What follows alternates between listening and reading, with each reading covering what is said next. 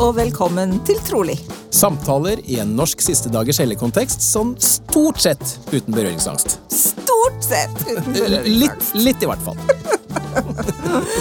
Jeg heter Joanna Bjerga, Og jeg heter Dan Rikard Hagen. og her i Trolig så deler gjestene våre sine personlige trosreiser.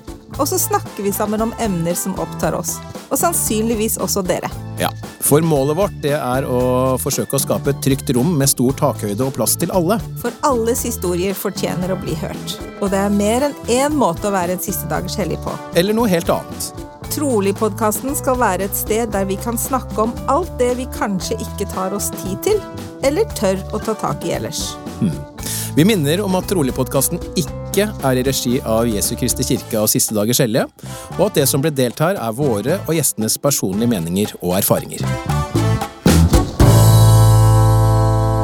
Da er vi endelig klar med en ny episode av Trolig, podkasten alle går rundt og venter på en ny episode av. Er det ikke sånn, Johanna? Jo, og så skal du gratulere meg med kvinnedagen i går. Selvfølgelig gratulerer til deg og alle andre kvinner med kvinnedagen. En vel fortjent hyllestdag, spør du meg altså. Ja, thank you, thank you.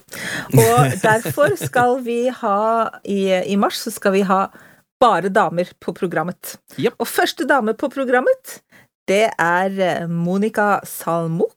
Som er dagens gjest, og det er eh, en spennende historie vi skal få høre fra en eh, dame som er 49 år gammel, mor til en sønn på 17, kommer opprinnelig fra Kristiansand, bor i Moss, eller Sion som jeg kaller det. Hun er spesialpedagog i ulike barnehager og holder på med master i tilpasset opplæring på Høgskolen i Innlandet på deltid, og ikke minst så er hun en tidligere siste dagers hellige, nå muslim. Yes. Igjen så sliter vi med å fatte oss i korthet. Det gjør jeg. Det, det, det baller bare litt på seg, og det var veldig masse spennende å snakke om her. Og med en gang vi var ferdig, så sa vi ja, men Monica må vi få tilbake, for her er det, her er det detaljer og ting og tang i historien som vi ikke har fått svar på enda. Så det blir nok flere episoder med Monica i framtiden. Og så kan man jo spørre seg hvorfor i all verden invitere en som har gått ut av kirken og til og med til et annet kirkesamfunn i vår podkast? Ja, hvorfor gjorde vi egentlig det? Ja, jeg kan i hvert fall si litt sånn hva jeg tenker rundt det. Jeg tenker at dette gir oss en unik anledning til å bli kjent med hennes trosreise, og hvorfor den brakte henne dit hvor den gjorde, som igjen gir oss mulighet til å ha større forståelse og respekt. Ja, og eh, kanskje spesielt eh, oppdage hvor mye likheter det er mellom vår kirke og islam. Blir du muslim nå? Nei, jeg tror vel at jeg kan si eh, ganske skråsikkert at, at eh, min tro og eh, de bekreftelsene jeg har fått på min tro, vil nok ikke rokkes ved at noen har valgt å gå en annen vei. Og jeg tenker jo litt at det må vel være oppfordringen til oss alle sammen også, uavhengig av hvilken tro vi har, at vi må sørge for at vi vet hvorfor vi tror, og tar et ordentlig standpunkt i forhold til det. Mm. Og eh, vi har jo kommet med mange definisjoner og forklaringer på tro underveis i podkastene våre, men én ting vi nok er enige om, er at eh, det er ikke smittsomt. Det er overhodet ikke smittsomt. Nei, Hvis du ikke vil det skal være det, kanskje. nemlig. Kjør episode!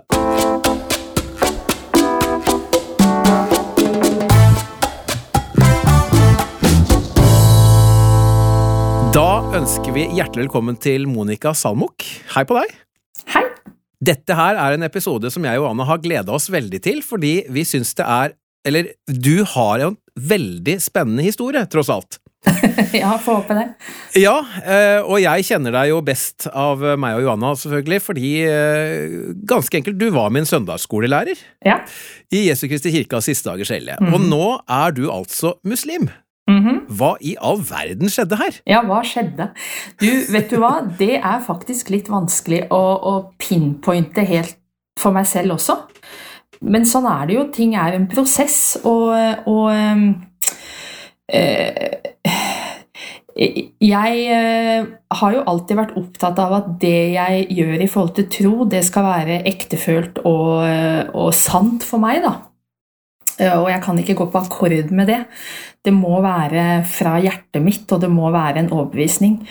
Da jeg Den gangen Jeg ble jo medlem av kirken i Kristiansand i 1990. Jeg var en av de som Jeg ble faktisk døpt tre måneder, to måneder før russetida. Så jeg Når de andre begynte å feste, så slutta jeg. Du ble redda? Ja, kan du si. Um, men, eh, og, og, den gangen så, så, kan jeg jo si at eh, og det mener jeg, det mener jeg virkelig enda, at det å finne kirken, det var en eh, redning i mitt liv. Det trengte jeg. Jeg trengte, og jeg hadde jo vært på leting etter, etter en form for, for, den troen jeg hadde, da. Jeg har trodd på Gud så lenge jeg kan huske, men jeg var opptatt av å finne en organisert form for den troen. Og, og fant da kirken, og, og det var det riktige for meg da, fordi jeg trengte den strukturen, jeg trengte den retningen det ga meg, jeg trengte den veiledningen det ga meg. Så fremdeles i dag så er jeg veldig takknemlig for det og mener at det var det beste som skjedde.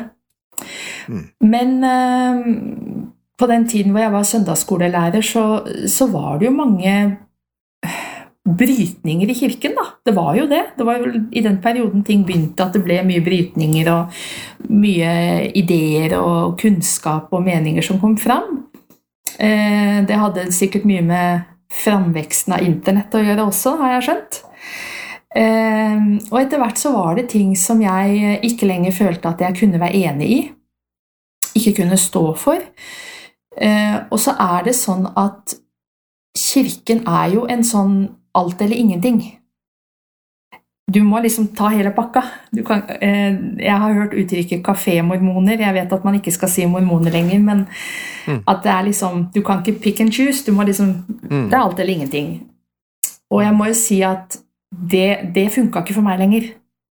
Hadde jeg kunnet velge liksom, dette kan jeg ta med, og dette kan jeg ta med, men dette må jeg legge bort, så, så kunne det hende at jeg hadde blitt eh, i hvert fall lenger, da.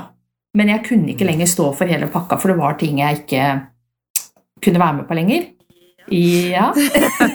jeg rekker opp hånden, dette er en podkast, dere, så dere ser jo ikke det. Men bare, et, et, lite spørsmål, for jeg, jeg, kjenner jo virkelig ikke historikken bak her. Så er det egentlig litt feil å si at du gikk fra å være mormon til muslim? Var det et opphold imellom her? Ja, fordi det var ikke, det var ikke sånn Altså, jeg bestemte meg for at det ikke var kirken lenger. Okay. Og, og altså, jeg regner med at når vi snakker sammen, så tar vi det for gitt alle at det, det fins en gud, og at vi tror på en gud. Vi tre, i hvert fall. Vi tre. Så jeg, jeg tenker at jeg velger å snakke ut ifra det perspektivet, også for ja. folk som hører, ta det for det det er.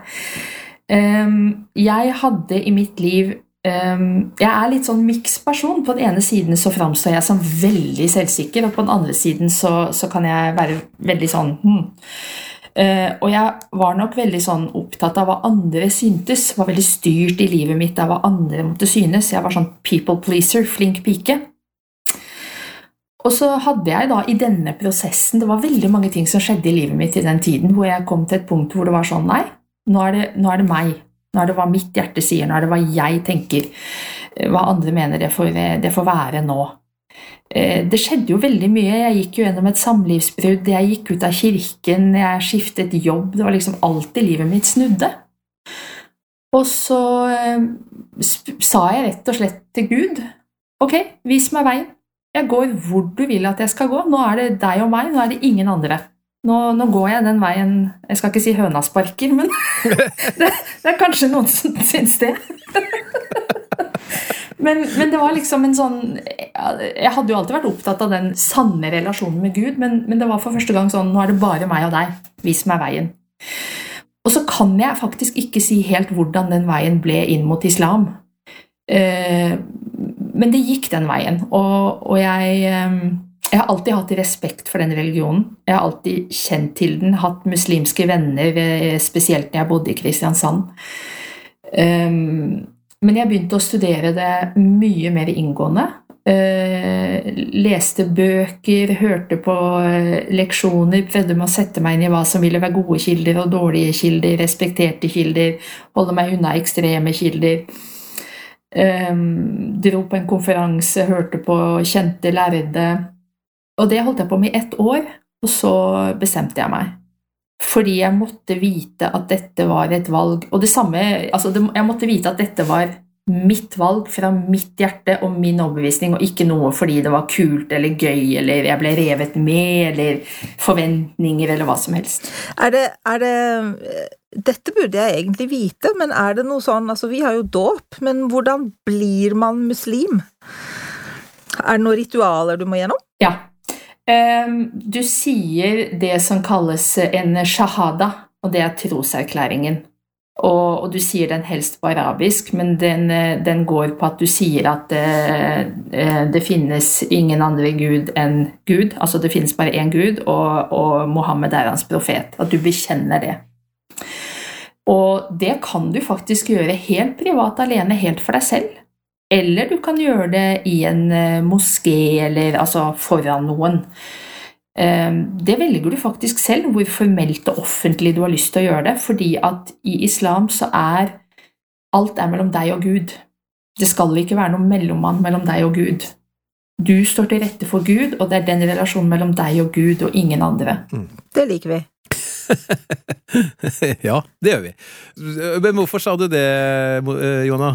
Hvor, at, at vi, vi, vil jo det, at eh, folk skal ha et personlig forhold til Gud, at det ikke skal være noe mellom, mellom, eh, en, den, mellom deg og Gud, eller deg og frel, i vårt tilfelle Frelseren. Da. Ja, nettopp. Sånn? Vi, jo, vi, er jo opptatt av den personlige relasjonen på, i aller høyeste grad, vil jeg påstå. Og det, det bringer meg på en måte litt over til, eh, til noe annet, og det er jo dette med eller litt sånn som du har nevnt også, at det er jo masse undergrupper. Um, ikke sant? Sånn som det fins mange, mange hundrevis av kristne varianter, så fins det jo også en god del undergrupper i islam.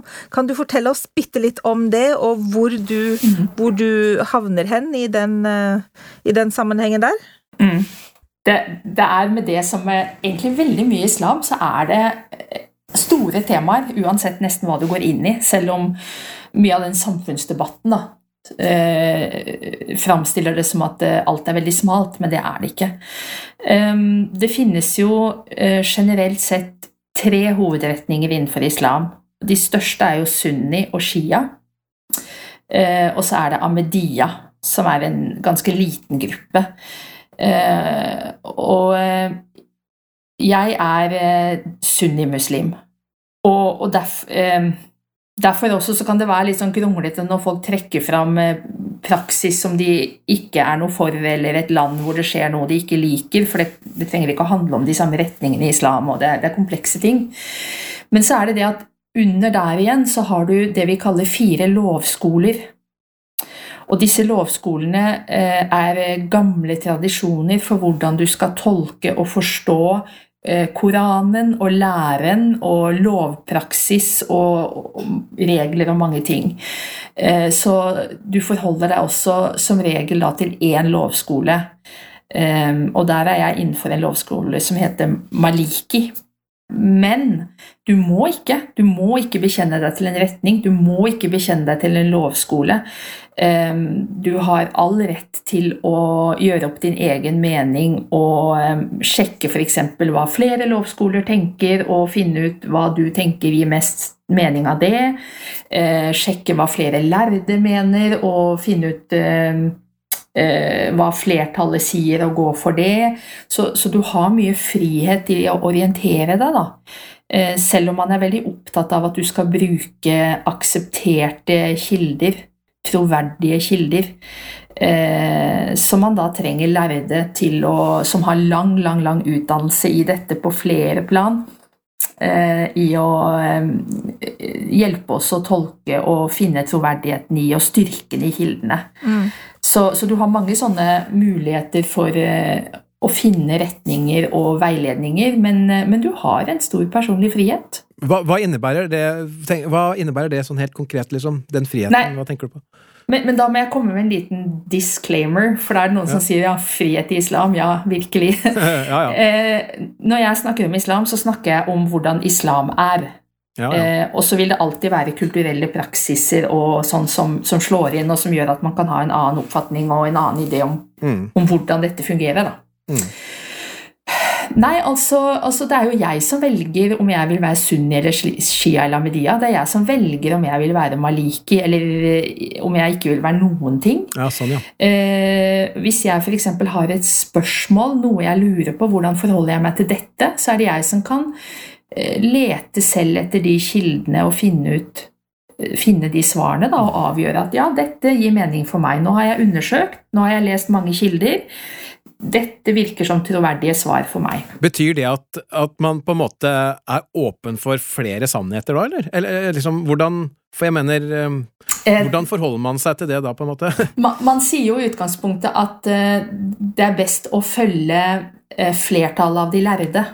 For da har man okay. et sterkest mm. grunnlag for å si at dette gir mening. Dette er så gjennomforska og sjekka og tolka og undersøkt at mm. her har vi sterke bevis. Um, okay. og, så, så, det er alltid lurt å følge en sånn flertallsoppfatning, da.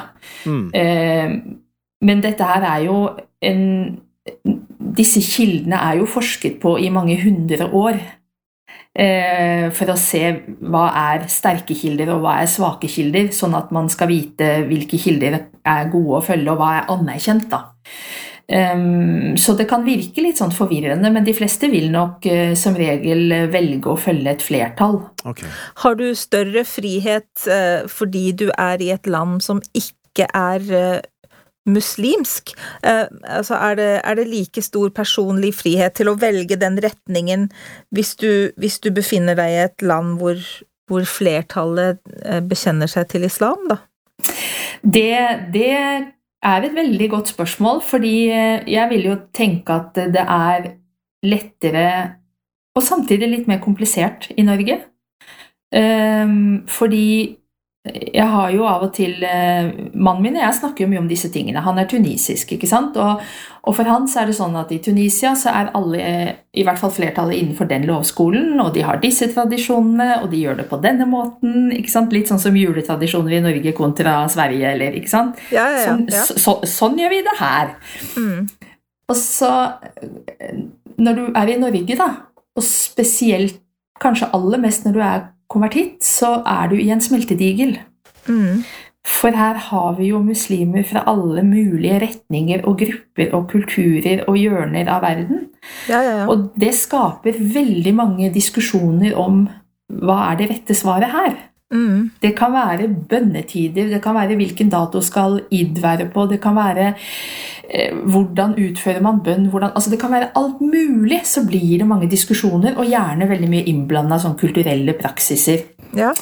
Som gjør at man enda mer må liksom finne ut hvordan orienterer jeg meg i dette.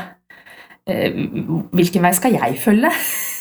Men det gjør jo også at man må ta en del bevisste valg, da. Mm. Det, man gjør ikke bare det familien gjør, eller det naboen gjør, eller det hele byen gjør. Man, man må liksom ta bevisste valg og være bevisst på hva står jeg for, hvilken retning går jeg i. Så det, det gjør det både på noen vis lettere og på noen vis mer mm.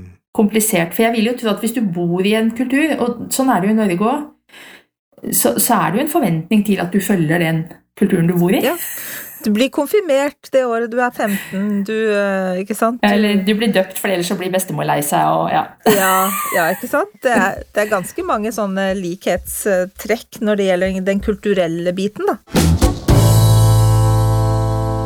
Hvordan har livet ditt forandret seg fra eh, din tid i kirken og nå til å være muslim? For det går ut fra at ja, det er vel to litt forskjellige verdener? Nei. Nei, fortell. ja, men det er det som er så morsomt når jeg opplever eh, Og det er jo ikke et stort problem, men det hender jo der som alle andre steder at eh, hvis mennesker fra kirken er veldig negative til islam, så blir jeg litt sånn hm, Da skulle du bare visst. Nei, altså, vet du hva, det er eh, nesten av og til litt sånn skremmende hvor lik, mye likt det er, som ikke finnes innenfor eh, andre retninger i kristendommen. Ja. Eh, og det er jo faktisk såpass likt at eh, det er jo utgitt bøker om det og det er forska på det. Eh, det er jo en egen avdeling på BYU som driver med Islamic Studies, blant annet. Mm. Og eh, for noen år siden, så, det var mens jeg enda var i kirken, så, så kom det jo en stor artikkel i eh, Liahona, eh, hvor kirken bl.a. gikk ut og sa at eh, profeten. Og når vi sier profeten, så pleier vi å si 'fred være med ham' etterpå. Mm. Eh, at kirken tok det standpunktet at han var en inspirert person, da, på linje med andre store ledere i verdenshistorien. Mm. Men det er, det er veldig mange likheter, og jeg husker jo for mange år siden i Kristiansand, da jeg var medlem av kirken og hadde mye kontakt med eh, muslimer, og det var jo gjennom eh, arbeidet med misjonærene. Jeg var veldig mye ute sammen med misjonærene, og så hadde vi så mange diskusjoner om det med tro, og de pleide jo å si du er akkurat sånn som oss, du. Eh, Fordi at vi hadde så mye felles, vi hadde så mange likheter, at de følte at jeg var mer lik de enn andre kristne eller andre norske, da. Mm. Så Mm. Skal vi snakke litt om likhetene? Kan vi Ja. snakke litt om likhetene? Fordi jeg tror det er mange som ikke Jeg tror, jeg tror den som jeg syns er kanskje kulest, som var litt sånn er, eh, er når eh, f- eh, pil, folk, folk som drar på sånn pilegrimstur til Mekka. Mm. De er jo kledd i hvitt, sant? Eh, Så skal de ut en plass, um, og så skal de vandre i ødemarken. Og det skal Ja. forestille Adam og Eva som forlater Edens hage. Mm. Ja! Eh, Hørtes det kjent ut, eller? Eh, og, og så har de jo hele dette her eh, renselses... Ikke sant? Dette her eh, forberedende initiator... Altså vaske... Vasking og tvetting. Vasking og tvetting, eh, seremonier, ikke sant. Det er så mye sånne greier som, som er eh, veldig tett opp til det vi gjør i tempelet. Sånn at eh, jeg syns det er kjempekult. Og, og hvite klær, som du sa. Ja, ja. Og det er jo noe av det som, eh, som er kult. Eh, altså på mange mange nivåer i islam, men da f.eks. på, på hajj, pilegrimsreisen, er at alle er likt kledd. For du skal ikke være forskjell på rik og fattig, og om du er statsminister eller tigger. Det har ingenting å si. Du har samme plass og samme Det er ingen som ser forskjell på en, da. Mm. Det er ikke noe, det er ikke noe statushierarki på noe vis. Og de Eh, fem søylene, ikke sant? Altså, er det ikke fem? Det er fem. Jo. Jo. Og du har bønn, og du har liksom skriftstudium, og du har Faste. Og, og Faste. gi, faste, og, og gi penger til de fattige, og Mhm. Hva er den siste? Eh, Det er jo pilegrimsreisen. Ja, det er pilegrimsreisen. Hva gjør vi for noe? Altså, jeg, jeg vil jo si det at når vi drar til tempelet, så er jo det en slags pilegrimsreise for oss. Ja. Masse likheter. Men det er, det er mye mer enn det. Altså, vi kunne jo sittet en hel uke og snakket om likhetene, faktisk. Altså, det er veldig mye, fordi, og, og jeg pleier å si at det, det er veldig likt, det er bare at vi utfører det litt forskjellig. Eh, for eksempel det med påkledning. Eh, begge har jo retningslinjer for hvordan man dekker seg til, for det med anstendighet. Eh, begge har regler om det med alkohol, rusmidler, eh, sex før ekteskapet, dating, Mm. eh, hvordan, hva man kan spise og ikke spise. Eh, faste, som du sa. Det at man gir faste offer. Eh, når man faster, så gir man en sum som er eh, til de fattige, for at de skal eh, også kunne Altså for å dele. Mm.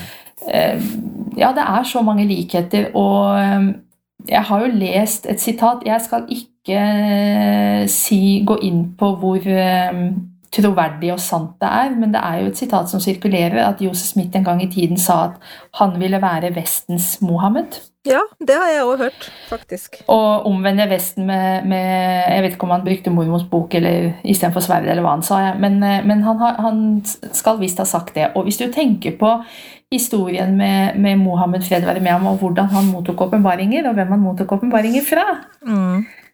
Så er jo det veldig likt på historien til eh, Joseph Smith og eh, hvordan han mottok mormons bok. Mm. Så det er likt på så mange plan, både i praksis og i teologi og i historie, at det er eh, Nei, det er veldig spesielt. Men som rent praktisk, eh, vil du også si at livet på en måte er likt, altså? Spør jeg som uvitende her. Ja, altså Man må jo legge om noen ting. Jeg spiser ikke svin lenger. eh, Jeg ber på andre måter og til andre tider. Du har det at fasten er en måned, det er ikke en gang i måneden. Eh, Så det er jo mange sånne ting. Men eh, det er jo de samme verdiene i bånn, og det samme fokuset og Familien! Familien er jo kjempeviktig Ja. i islam. Veldig viktig. Og veldig mange store familier. Ja. Ja.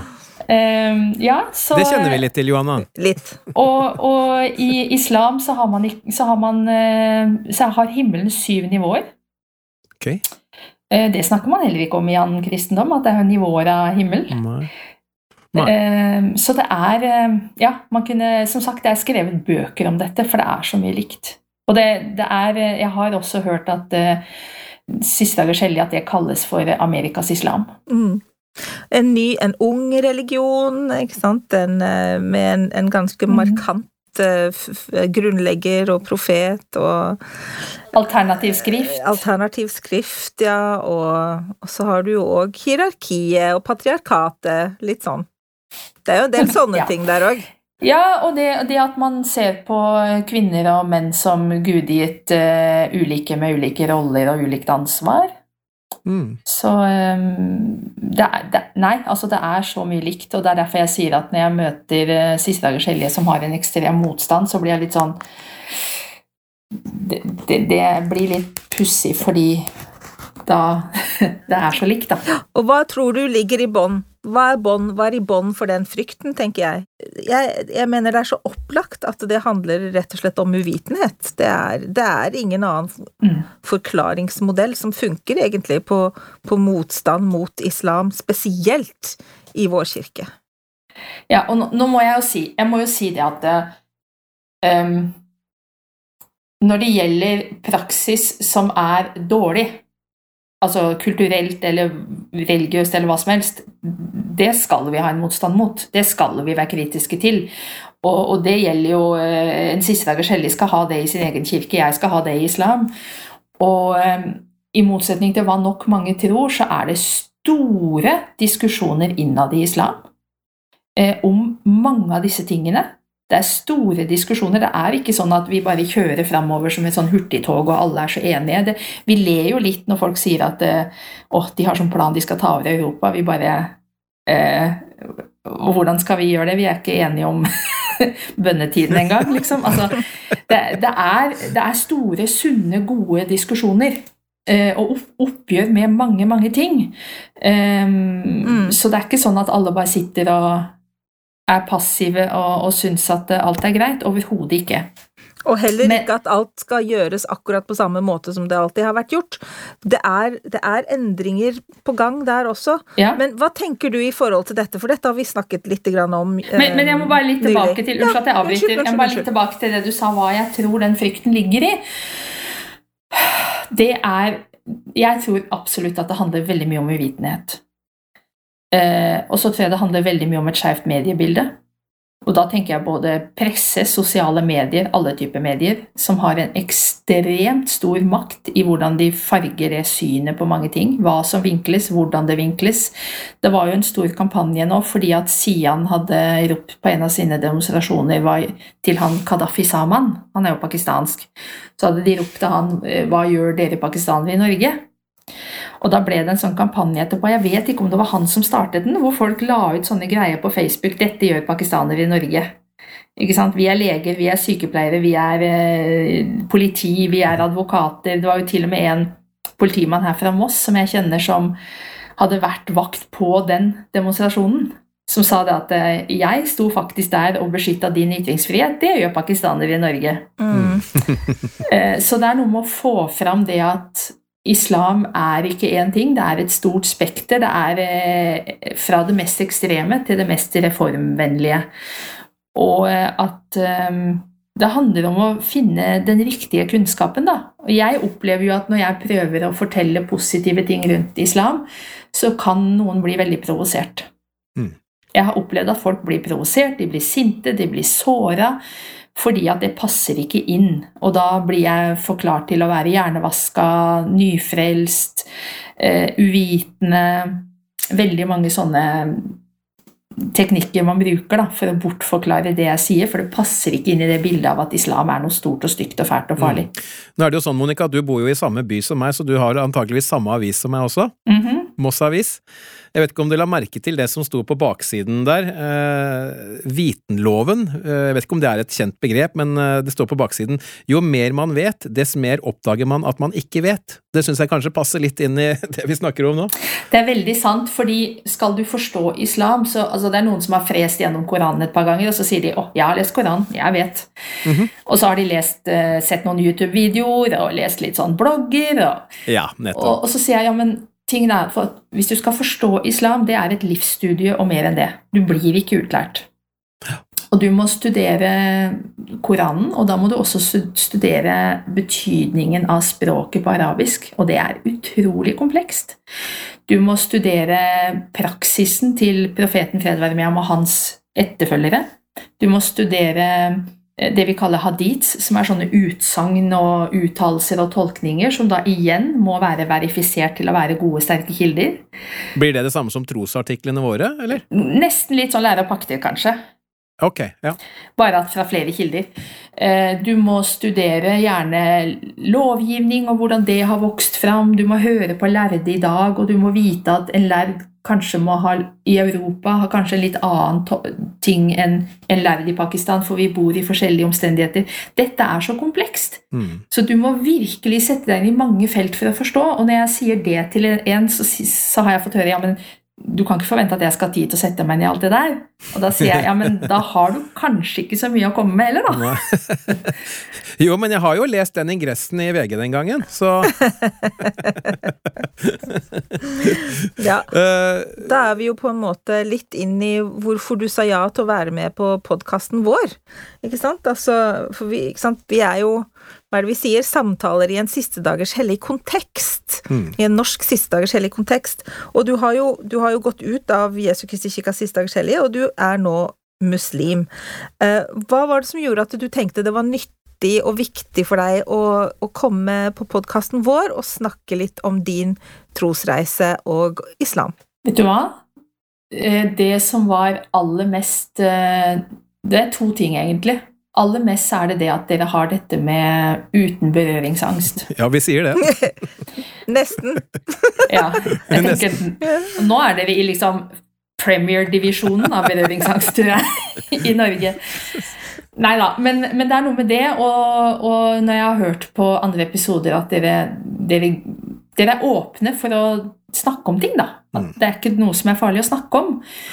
Eh, og så handler det jo også om at jeg bruker eh, de anledningene jeg får til å, å, snakke om disse tingene, fordi jeg opplever at det er viktig å spre kunnskap og forståelse. Dialog, ikke minst. Eh, det handler ikke om at jeg har noen sånn tanke om at å, nå skal jeg få noen til å omvende seg til noe som helst. Det handler bare om å forstå hverandre.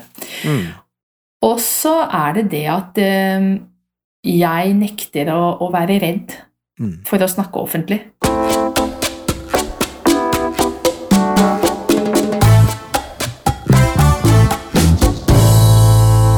Vi snakker med Monica Salmok i dag. Hun var mormon, og nå er hun muslim. Men det har ikke gått helt uh, smertefritt for seg.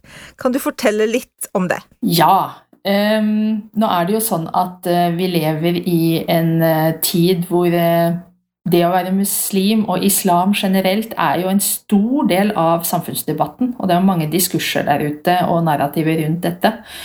Um, og det handler veldig mye om at det er ekstreme krefter innenfor islam som har dessverre gjort stor skade. Um, ved terrorhandlinger og tatt uskyldige liv og gjort forferdelige ting som aldri skulle ha vært utført. Eh, og som eh, etter min og mange andres mening overhodet ikke har noe plass innenfor islam. Eh, men det gjør jo at det preger det synet folk har på islam og muslimer. Og, og det store skiftet opplever nok de fleste skjedde etter 11.9. i USA. Da kom liksom det store skiftet. Og det er jo faktisk sånn at etter det som skjedde 22.07. på Utøya, før det var bevist hvem som hadde gjort dette, så ble det faktisk utført noen handlinger mot muslimer også i Norge. Eh, fordi man automatisk eh, trakk den konklusjonen at dette var en terrorhandling som måtte ha ut, blitt utført av en muslim. Mm. Eh, så det er et veldig betent til tider klima rundt det. Mange følelser. Store følelser og spenn på meninger og, og veldig mye. Eh, nå har jo myndighetene kommet med et sånt program for å jobbe mot islamofobi og hat, som vi syns er viktig. Vi syns det er viktig at det kom, det er på sin plass, men vi håper jo også at dette fører til handling, da. Eh, for min del så eh, har jo ikke selve det å konvertere hatt en stor eh, sånn for meg personlig, men det er jo den konsekvensen det har da når man er åpen og offentlig muslim i det norske samfunnet. Mm. Det er jo der jeg har kjent mest på det. Ja, for du ble jo blant annet intervjua i VG, vet jeg, som, mm. eh, hvor du forteller om eh, at du er muslim. Eh, mm. Norsk muslim, og det var det ikke alle som likte, skjønte jeg? Nei, det var vel det første store skrittet jeg tok, fordi jeg hadde holdt tilbake veldig veldig, veldig lenge. Fordi eh, hvis det var noe arena hvor man eh, hadde mulighet til å være offentlig, så, så, var det alltid mange muslimer som sa 'ikke gjør det, ikke gjør det'. Mm. Ik ikke stå fram, ikke snakk om det, ikke vær offentlig, pass på deg selv. Det, det er farlig, du kan få uh, store konsekvenser. Mm. Um, men så til slutt så fant jeg ut at dette går ikke. Altså, noen må si noe. Mm. Vi kan ikke alle bare sitte på hendene våre og være redde. Og jeg, jeg, jeg, er ikke redd, men jeg nekter å være redd.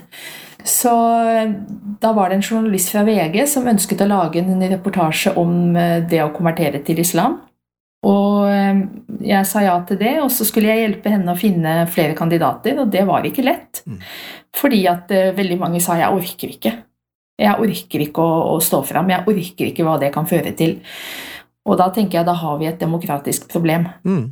Et stort demokratisk problem når eh, mennesker ikke tør å snakke av frykt. Så har du jo selv fått oppleve konsekvensene. Ja, fordi jeg var jo med i dette intervjuet, og um, det kom i avisen, papiravisen, og det var nå greit nok. tenkte jeg ja, ja, det gikk jo greit, det her.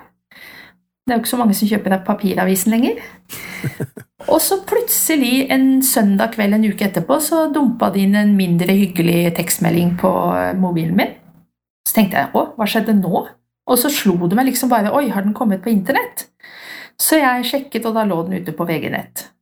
Og eh, det gikk jo så langt at VG måtte stenge det kommentarfeltet, og det sier de jo selv at det gjør de sjelden. Eller gjorde sjelden. Mm. Men den måtte de stenge, for den ble så stygg. Og det, det jeg leste jo litt, da, og det, vi var fire, tre damer, og det handla rett og slett om intelligensen vår, utseendet vårt. Eh, vi var sikkert navere, vi hadde sikkert ikke noe utdannelse, vi hadde sikkert ikke noe jobb. Eh, vi var landssvikere Ja, det var veldig drøye påstander. Hm. Og så ble jo den artikkelen etterpå plukka opp av Resett, og de stengte ikke kommentarfeltet, for å si det sånn. Nei. Og der leste jeg litt, og når jeg kom ned til en som mente at eh, vi var verre enn tyskertøsene, for vi kjente iallfall fienden vi lå med, da stoppa jeg å lese. Da ga det seg. Men, ja. men altså, det er, det er, folk som i kommentarfeltet har sagt at uh, de ønsker et landssvikeroppgjør hvor vi bokstavelig talt skal skytes på Akershus festning. Og det er altså basert på at du har en tro på noe. Mm -hmm. Det er litt rart. Mm. Ja, og det er, det er ekstremt. Altså, jeg tenker sant, altså Eh, som medlemmer av Jesu Kristi kirke siste dagers hellige, så, så, smykker vi oss litt med liksom at, eh, at, vi ble forfulgt og fengslet og, og frosset ut og mobbet og, og sånn, men, men, ting har jo blitt bedre. Mm. Men slik jeg opplever det du forteller nå, så har for muslimene i Norge, så har ting faktisk blitt verre? Ja, fordi eh, Altså, det som er, da, er at det er jo vanskelig fordi at de stemmene som roper dette, roper så himla høyt. De roper så høyt at det, det er litt sånn at du til slutt føler at dette, dette, tenker alle. Dette er noe alle mener, dette er noe alle syns, og så er det jo ikke sånn. Men det er bare det at dette syns så veldig. og jeg, jeg vet at det er kristne og Siste dagers hellige som, som, har snakket om det, at ja, men det er tøft for oss også. Mm. Men som jeg sier at ja, men jeg kan, ikke, jeg kan nesten ikke åpne avisa uten at jeg får dette i fleisen. Mm. Ja. Jeg kan ikke se på en nyhetssending uten at det kommer. Jeg kan ikke se et nett, et, en eneste kommentarfelt. Og det, Mm. det er jo til og med sånn at det kan være saker som ikke har noe med noen ting å gjøre, men allikevel så er det en eller annen som klarer å få vridd det inn mot muslimer. Mm. Og da må selvfølgelig du stilles til ansvar for det, og forklare det som muslim, sant? Ja, det, det forventes at jeg skal beklage på vegne av alle. Det er det enkelte som helt eksplisitt har uttrykt at vi, vi bør ta avstand og, for, og beklage for alle. Og da blir jeg litt sånn Altså, du trenger ikke å beklage for Warren Jeffs, ikke sant? Um, en kristen trenger ikke beklage for pedofiliskandalen i den katolske kirke. Det, det blir veldig meningsløst. Og, Mm. og, men det får så mange konsekvenser, dette her, fordi Blant annet så ser man jo i kommentarfeltet at det kan være ansatte i Nav, det kan være eh, lærere, det kan være lokalpolitikere, det kan være folk i ganske viktige funksjoner da, som sitter og uttaler seg. Og det gjør noe med meg i møte med hjelpeinstanser. Mm. Ikke sant? Og, og, og jeg vil ikke skjære alle over en kam, men, men liksom jeg, når, når du er i en sårbar posisjon, og du kommer inn et sted og du trenger hjelp av noen, Mm. så får du den tanken i hodet. Hva tenker du om meg hvis du vet at jeg er muslim? Mm. Vil det påvirke denne prosessen på noe vis? Det er Det jo kjenner, det, det kjenner vel eh, Ja, det kjenner- at vi igjen nå. Ja, det Eh, skjønner jeg. ja. Mm. Selv om det er sikkert uh, Mye varierende verre. grader av det, altså, men, men der skjønner jeg godt hva du mener. Det er som en tidligere gjest på podkasten sa også, at noe av det som man syns var kjipest med å være medlem av kirken, er at det på en måte definerer deg.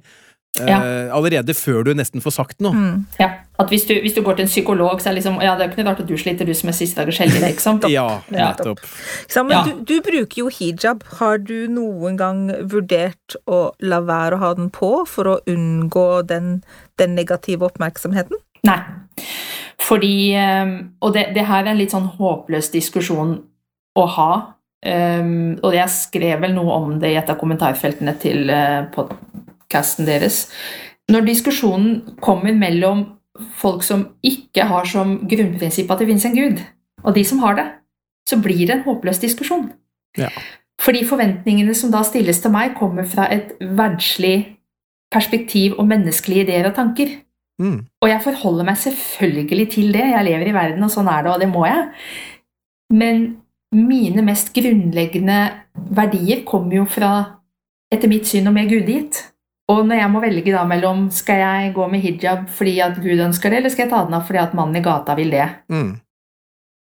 så Og er, er det sånn Jeg vet veldig lite om hijab. Er hijab en del av det du var inne på tidligere, det med uh, modesty? Hva heter det på norsk ennå? ja, det er anstendighet. Anstendighet, jeg har endelig lært ja. meg det. Ja, er, er det Ja. det det går på? Men det er et veldig misforstått begrep, fordi at uh, hijab er egentlig et konsept. Det er, ikke, det er ikke et plagg, det er et konsept. Okay. Um, og, så, og så er det masse diskusjoner med hvilke begrep som brukes i Koranen, og hva det egentlig står der, og sånne ting. Men hvis vi skal snakke om, om det med hijab i forhold til anstendighet, så, så har både menn og kvinner en hijab å forholde seg til. Okay. Og hijab er hvordan du kler deg, hvordan du ter deg, og hvordan du tenker. Mm. Så jeg pleier å si at hvis du skal nekte meg å gå med hijab, så, så sliter du, for da må du nekte meg ganske mye, og hvor skal vi sette de grensene? Altså, Skal det være ulovlig å gå med langt skjørt? Skal det være ulovlig å gå med lang bukse? Skal det være ulovlig å ha langarma genser? For det er også en del av hijab. Skal det være ulovlig å ha løse plagg? Mm. eh, altså det, All diskusjonen har liksom kokt ned til noe vi har på hodet, og da rammer det kvinner. Ja. Og det rammer også kvinner når det gjelder hets, fordi at eh, kvinner får, kvinnelige muslimer får mer hets enn mannlige, for de er mer synlige. Mm. Og så er de nok mer Det er sjelden noen tør å våge seg på en uh, stor mann. så kvinner er jo et lettere offer, da. Men de er også mer synlige der ute. Det er jo noen som påstår at det egentlig ikke står noe som helst da, i Koranen om at kvinner skal bære hijab. Ja, fordi det ordet som brukes i Koranen er eh, khimar. Og himar, det er Altså, det har blitt eh, forstått sånn at de hadde et eh, klede over hodet. Men det kledet ble festet bak og ikke foran.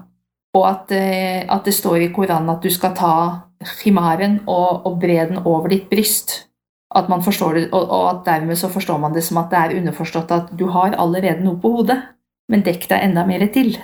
Ok? Ikke gå med dyp utringning, typ. Mm. Eh, for hijab eh, altså hvis jeg, Disclaimer igjen, jeg kan ikke arabisk, så unnskyld til alle som kan det hvis, de, hvis jeg sier noe feil her. Det er, dette her er meg og mitt og mine meninger og min kunnskap. Mm. Jeg snakker ikke på vegne av noen lærde eller noe som helst, men eh, eh, hijab er vel egentlig et ord som betyr eh, et slags forheng, da, noe som skiller. Mm. Og, eh, men har blitt et sånn ord, og den prosessen skal jeg ikke si for, at jeg kan så mye om, for hvordan det blir til dette konseptet. Men for oss som siste dagers hellige, så er jo ikke det et helt ukjent begrep å ha klær som har symbolsk betydning. Nei. Så der er også åpenbart en ting som faktisk er likt, da, bortsett fra at det ser annerledes ut. Ja, men så er det det at eh, den motstanden som jeg oftest møter, det er det at eh, hijab blir kalt et politisk symbol. Ja. Og den står de på ganske hårdnakka. Um, Mm. men hijab er mange ting for mange mennesker. Mm. Hvis du spør en stor gruppe muslimer hva betyr hijab for deg, for kvinner som bruker det selv, så vil du få mange forskjellige svar. Ja. Og så er det også det at man, man sier at eh, hijab er Altså, kvinner må dekke seg til for at de skal ikke vekke lyst hos en mann. og da blir jeg sånn Nei. Mannen får passe på sine egne lyster. Det er ikke mitt ansvar, det er ikke min jobb. Han har den plikten like mye som meg. Og, og jeg pleier å fleipe litt og si at det er ikke sånn at jeg tror at jeg er så himla tiltrekkende at her må, her må det dekkes til, ellers så blir, går det gærent ut på gata. Jeg må ha mer! Jeg må ha mer! Ja. Jeg får ikke gå i fred. Nei. Da. Eh, men vi- eh, jeg kan godt si noe om det. Ja. Ja. Hva jeg Ja, fordi det er faktisk også mulig å lese veldig mye feminisme inn i hijab. Og det er det mange som gjør. Fordi hvis du ser på dagens samfunn og det eh, presset kvinner lever under, da Og jeg underslår ikke at menn også gjør det, men jeg tror de fleste er enige om at dette rammer kvinner aller, aller, aller mest. Eh, kvinner som eh, ikke tør å gå utenfor døra uten sminke. Eh, som eh, altså Det er motepress, det er sminkepress, det er skjønnhetspress, og det er, de bruker tusenvis av kroner på håret sitt. På, altså Operasjoner har jo blitt nesten dagligdags. Mm. Eh, det er eh, De sulter seg, de eh, forstørrer og forminsker og sprøyter inn og bleiker både her og der. Fjerner hår. Alt dette her. Og det er liksom den at Hvis en kvinne ikke gjør dette, så ser hun bleik og sliten ut. Men det er ingen som sier til deg Dan Rikard, at du ser bleik og sliten ut hvis du bare er deg sjøl. Mens en kvinne må da forandre på alt dette for å være ettertrakta eller akseptabel. Og, og det slår til og med ut i sånne ting som sjansen til å få en jobb. Mm. Eh, og du kan jo nesten ikke selge en bil i dag uten å ha en pen dame der som står der og er med og selger den bilen. Mm. Så for meg så handler dette også om å si at dette gidder jeg ikke. Jeg gidder ikke. altså Jeg, jeg er en person, jeg er ikke en kropp, jeg er ikke et utseende. Jeg er, jeg er en person, og jeg vil møtes for det mennesket jeg er, Mm. det intellektet jeg har, og ikke for hvordan jeg ser ut. Mm. Eh, Så det er også en måte å ta avstand til det på, da, for veldig mange. Jeg vil ikke være med på det kjøret der. Og jeg vil ikke være et objekt. Altså, for, for å sette det helt på spissen, da, misforstå meg rett, om jeg går kliss naken ned bygata, så er det ingen som har rett til å voldta meg. Ja, ja, ja. Skjønner du hva jeg mener? Og det, det er vi jo selvfølgelig gjennom. Ikke sant? Min lyst er mitt ansvar, og din lyst er ditt ansvar. Mm. Og i det øyeblikket noen sier at en kvinne må dekke seg til for å hjelpe mannen, så blir det helt feil. Mm.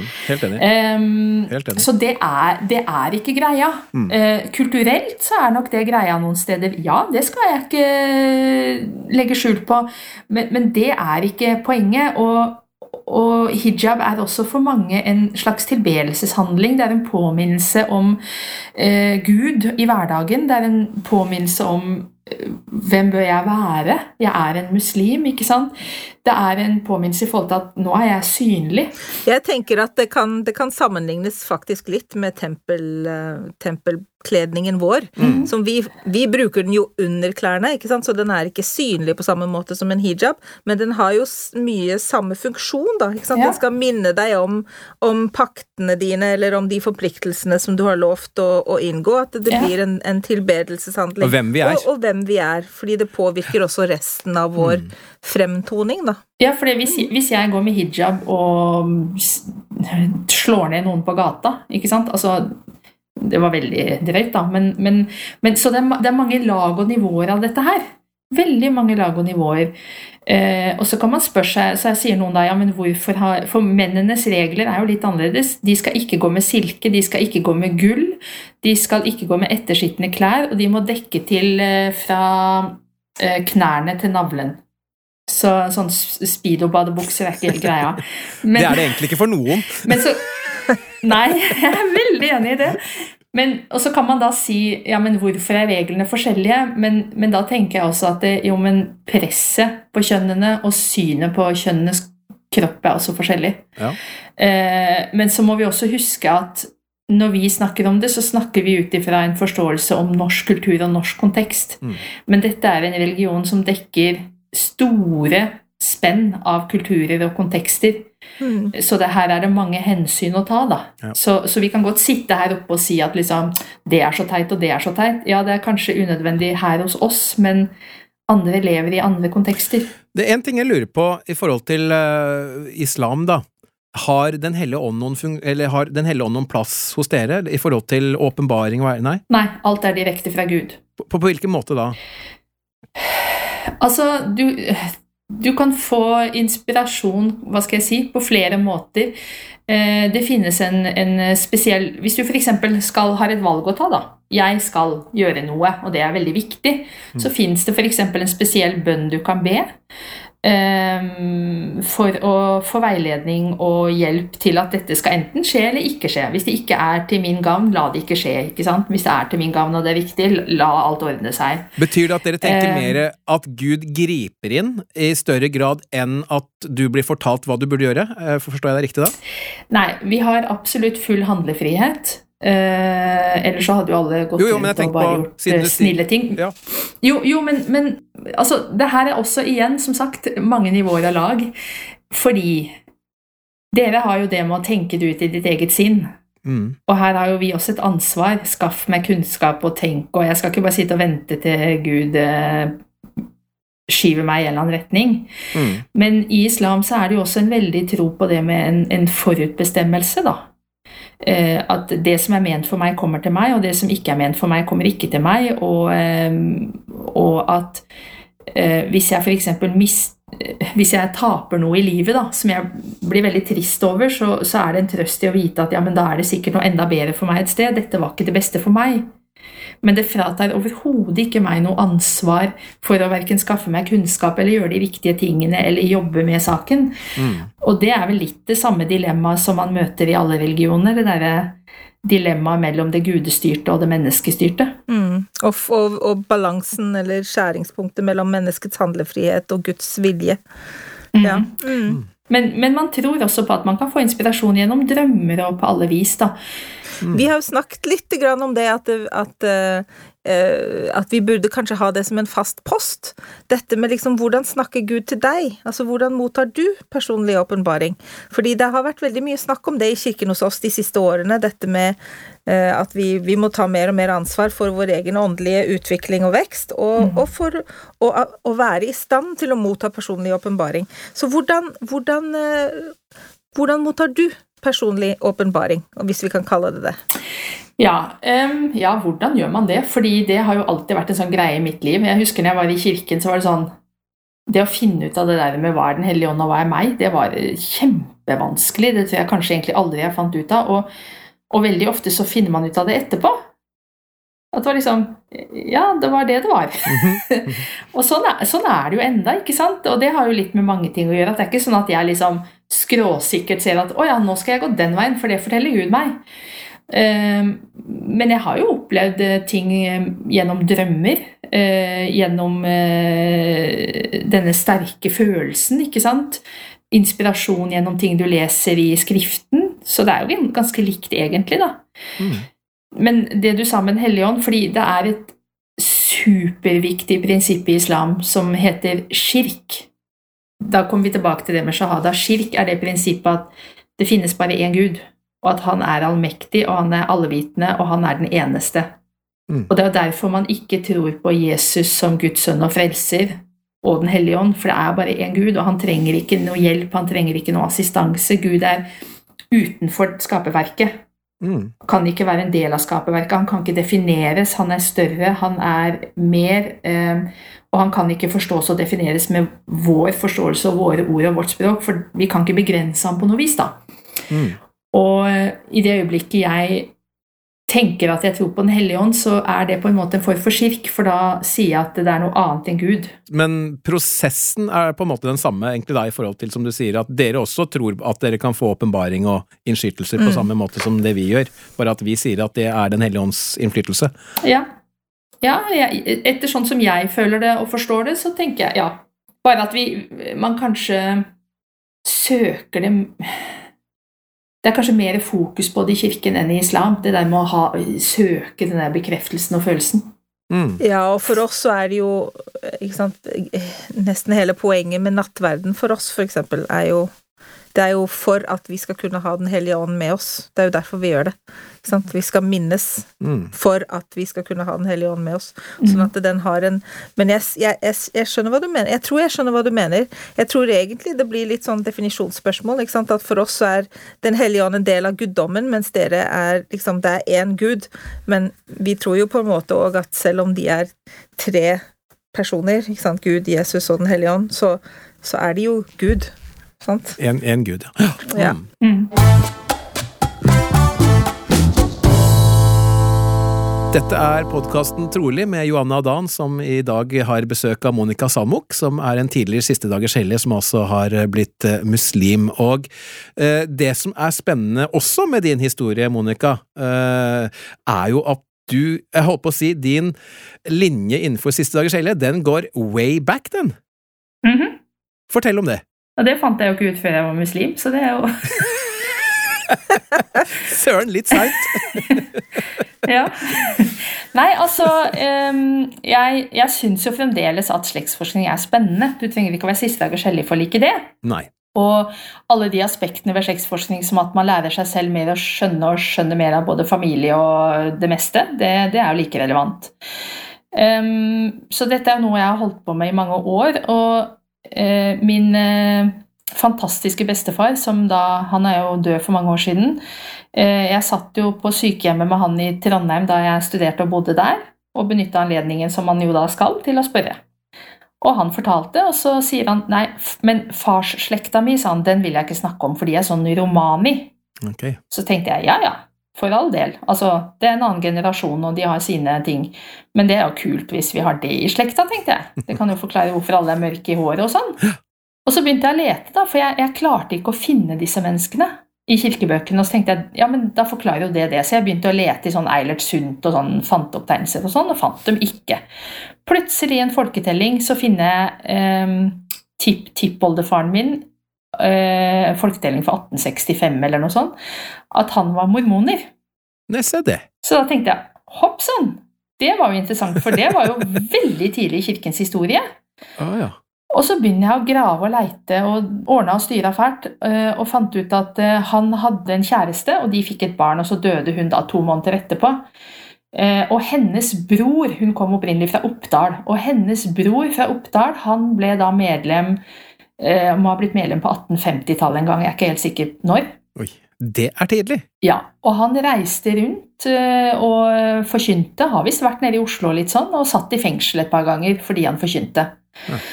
Og så må det jo ha vært kontakt mellom han, øh, sånn som jeg tolker materialet, så må det ha vært kontakt mellom han og da hans egentlige svoger, som da i mellomtiden hadde giftet seg på nytt. Så min tippoldefar tipp-tippoldefar og hans nye kone, de, øh, de ble da siste dagers hellige i Trondheim. Og sånn som jeg ser i folketellingene, så var de det fram til sin død. Men så, og deres barn de, de mistet mange barn før de var tre år. De fikk mange barn, flere av de døde, men noen av de vokste opp og reiste da over til USA.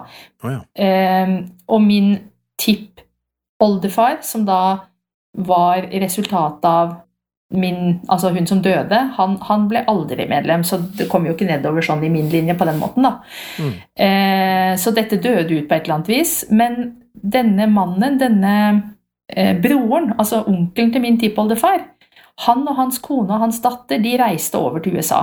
Typ 1863, kom 1865 rundt der omkring, og var med Jeg fant de disse eh, kompaniopptegnelsene. Oi. Og eh, når de kom til Utah, så møtte da min tippoldefars kusine en eh, Hun var vel 16 år. Møtte en engelskmann der borte, giftet seg med han, og da ble de beseilet i Endowment House av eh, Wilford Woodruff. Se det. Og hennes mann var med på å drive ut disse store, store granittblokkene til Salt Lake Temple. Så jeg har jo litt lyst til å se den filmen, jeg husker ikke hva den heter, den filmen om den prosessen. Om Salt Lake Temple? Ja, Ja, Mountain of the Lord, eller noe sånt. ja det var en sånn Ja. Film om dette med at de bygget, og så måtte de begynne på nytt. Jeg har litt lyst til å se den en gang til, da, for nå er det plutselig veldig nært. Plutselig så ser du en slektning der, vet du. Ja, å, der er den, vet du. Er Nei, men, men, eh, men, eh, men det, jeg har jo skjønt etterpå gjennom diverse kilder at det har vært kommunikasjon mellom min, min familie i Trondheim og de i USA, så min bestefar må ha visst dette, men ville ikke snakke om det. Hans barn hadde ingen idé om det. Nei. For dette var jo faktisk hans eh, bestefar og oldefar. Mm. Um, men så, så kontakta jeg Trondheim menighet da, for å liksom Vet dere noe om dette? For dette er jo en del av menighetens historie. Og da viste det seg at en dame der oppe hadde jo sittet og forska mye på den slekta både i Norge og USA på vegne av en misjonær som hadde vært i Trondheim. Da jeg bodde der, men da visste ikke jeg at jeg var i slekt med han. Så jeg fikk masse materiell av henne med bilder og Det er jo spennende, da. Veldig, veldig spennende. Ja, ja, ja. Jeg, jeg syns det, for som, som jeg sa, selv om jeg ikke er medlem av kirken, så har jeg likevel Jeg føler jeg har en nær relasjon til kirken. Jeg er jo god venn med medlemmer, og Mm. det er en stor del av min historie og mitt liv. Og en periode jeg er veldig takknemlig for og har lært veldig mye fra. Mm. Og jeg følger med enda. Jeg forteller av og til min eksmann og min beste venninne om ting som har skjedd i kirken som ikke de har fått med seg. Ja, der ser du. Der ser du. De bare 'hæ, har det skjedd?' Ja, har du ikke lest det, liksom? Det er jo noe alle vet. Ja.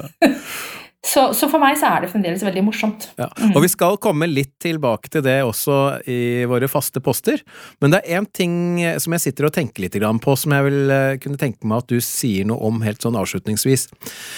Eh, Siste dagers hellige og muslimer. Hva tenker du, hvordan kan vi hjelpe hverandre eller støtte hverandre? Snakke sammen. Bli kjent med hverandre. Altså Ok, jeg må innrømme altså, jeg, jeg, jeg stalker jo av og til litt rundt på Facebook, sånn som jeg håper vi alle gjør, ikke bare meg.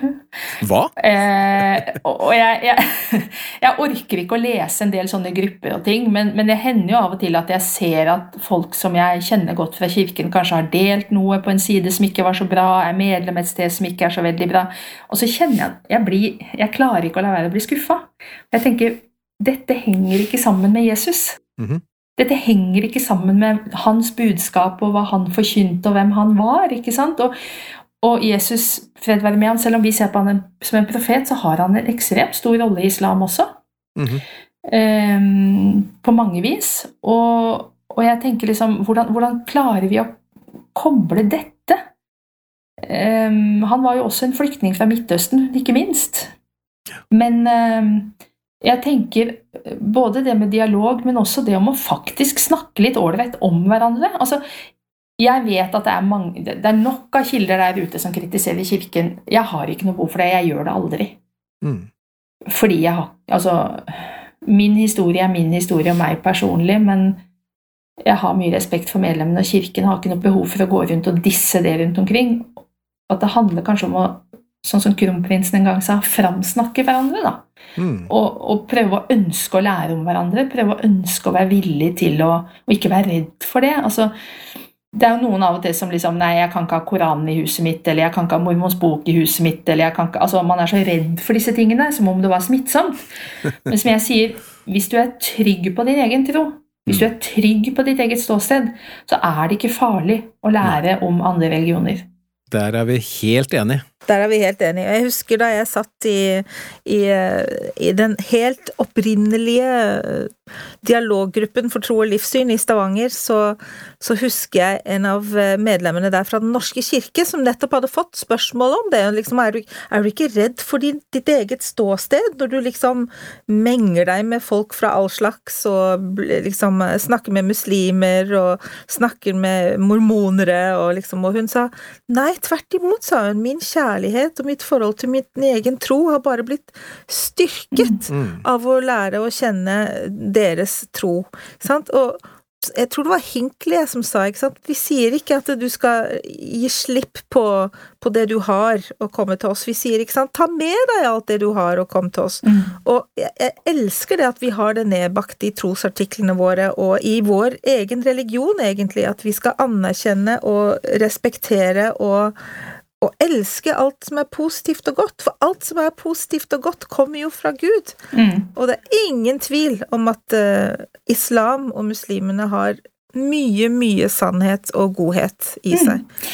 Og, og, det samme prinsippet, altså profeten Mohammed fred med ham, han sa jo i jeg lurer på om det var avskjedstalen sine, så sier han jo et sånn veldig kjent sitat at det er ikke en svart mann er ikke bedre enn en hvit mann, en araber er ikke bedre enn en ikke-araber. Altså, vi er alle like. Vi er alle like mye verdt. Det har ingen betydning hvem du er, hvor du kommer fra, hvilken stand du har i samfunnet. For Gud så er vi alle like. Og vi er alle skapt av Gud. Og i det øyeblikket jeg hater deg, så hater jeg jo Guds skaperverk. Mm, mm. Og, og, for meg så er det med kjærlighet det er, det er basis for alt. Altså, for meg så har det blitt mer og mer viktig. At den kjærligheten må ligge i bånn for alt, og så er jeg veldig opptatt av toleranse og respekt. Og det, det, har, det, handler om religion, legning, kultur, altså whatever. Her sitter vi sammen med Monica Salmok, og nå nærmer vi oss slutten av denne episoden. Og da nærmer vi oss også de faste postene våre. Og den første, det er jo denne her med hvis det var noe du kunne endret i kirken, hva ville det vært? Ja, fordi nå er det jo sånn at det er jo åtte år siden jeg endelig gikk ut, da. Så egentlig så er det jo litt lenger, for det var litt sånn prosess, som det alltid er. Så jeg vet ikke hvordan det føles å være i kirken i dag.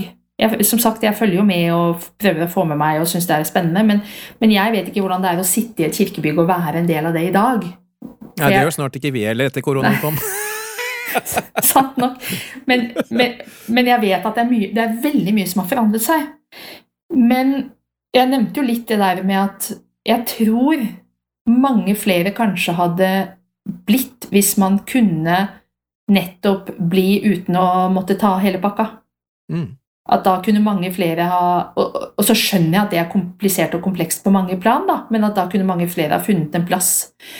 Ehm, det andre er, eh, hvis jeg skal si litt sånn personlig, så, så vet jo jeg hvor viktig misjonsvirksomheten er for Kirken, og det sier jeg ingenting på. Jeg skjønner man vil dele et viktig budskap, og det er en kjærlighetshandling. Men for meg så oppleves det som viktig at hvis jeg kommer til Kirken, så se på meg som å ja, det var Monica, ikke å ja, er hun på vei mm, tilbake? Mm, mm. Agendaen bak. Det er agendaen du snakker om. Ja, for jeg, jeg vet jo hvordan medlemmene tenker. Jeg, jeg vet det. Mm. Jeg vet det 150% Og det er vondt når du ser det der lille håpet i øynene deres hvis jeg kommer innafor døra, og det faktisk skaper en større barriere da, mot å komme. Ja, jeg ser den. Eh, det var noen som sammenligna det litt med det sånn i tegneserien hvis, du, hvis, en som er sulten, ser en ku, men han ser bare biffen ikke sant, som ligger på tallerkenen. så, så, det er noe med å liksom skape muligheter for å at Ja, her kan vi være sammen uten at det er noen forventninger, da. Og da ville det kanskje vært lettere å beholde vennskap også, da, på tvers av hvilke valg man tar underveis, sant? Mm. Fordi at da er, man, da er man Da er jeg interessert i deg som Monica, ikke som et uh, mulig objekt å få tilbake igjen til kirken. Ja, eller at du er trua av at jeg har gått ut, for kanskje jeg kommer til å smitte over på deg. Eller fordi jeg vet ja. noen kan føle sånn òg, at det er skummelt å forholde seg til de som har gått ut. For du vet jo aldri hva som kommer, liksom. Jeg må si jeg syns ikke du har vært veldig skummel. Jeg er ganske grei. Et siste spørsmål, Monica, som vi også har med som de faste postene. Det er hva er det fineste med kirken når du tenker tilbake? Som du kanskje har tatt med deg? Hva er det fineste? Um, jeg opplevde jo når jeg var i kirken at det var veldig fokus på det å søke kunnskap.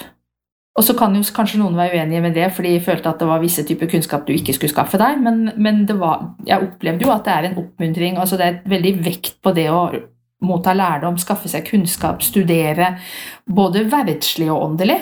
Og jeg er jo et menneske som er opptatt av det å skaffe seg kunnskap. Jeg liker å lære. Jeg er jo nå som sagt straks 50 og holder på å ta en master. Ja. Og det handler ikke om karriere, det er like mye for meg sjøl, fordi jeg liker å lære, jeg liker å forstå. Så det er nok en stor ting jeg har tatt med meg. Nå fant jeg det sitatet fra 1978 Bare hør her. Denne her kom i februar 1978, men den druknet litt i eh, kjølvannet av juni 1978-erklæringen der de fargede fikk prestedømme. Men hør på dette her. Based upon ancient and modern revelation, the Church of Jesus Christ of Latter day Saints gladly teaches and declares the Christian doctrine that all men and women are brothers and sisters, not only by blood relationship from common mortal progenitors, but also as literal spirit children of an eternal Father.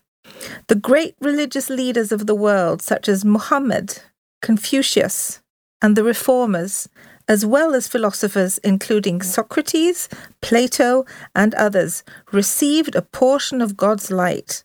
Moral truths were given to them by God to enlighten whole nations and to bring a higher level of understanding to individuals. The Hebrew prophets prepared the way for the coming of Jesus Christ, the promised Messiah, who should provide salvation for all mankind who believe in the gospel. Consistent with these truths, we believe that God has given and will give to all peoples sufficient knowledge to help them on their way to eternal salvation, either in this life or in the life to come. Our message, therefore, is one of special love and concern for the eternal welfare of all men and women, regardless of religious belief, race, or nationality, knowing that we are truly brothers and sisters because we are sons and daughters of the same eternal Father. Mhm. Og som sagt så var det en stor artikkel i eh, Liahona Det må jo ha vært på begynnelsen av 2000-tallet om akkurat det samme. Ja, eh, Daniel Peterson, som eh, er en av krontappene, holdt på å si, i Islamic Studies på BYU, skrev den artikkelen som sto i Ensign og Liahona. Jeg har jo, jeg har jo min beste venninne blant annet for- innenfor kirken og, og sånne ting, og vi finner ut at, at det, er, det er ikke vanskelig, fordi at vi, vi bygger på det vi har felles, Mm. og så gleder vi oss over hverandres glede i den troen vi har, da. Så hvis hun har vært i tempelet, så vet jeg hva det betyr for henne, og da kan vi snakke om det. Mm. Og hvis jeg har opplevd noe, så kan vi snakke om det, at vi bygger på, på de tingene, og det er ikke vanskelig. Amen. Tusen takk, Monica. Det var veldig, veldig fint å ha deg med i podkasten. Takk for at jeg fikk være med.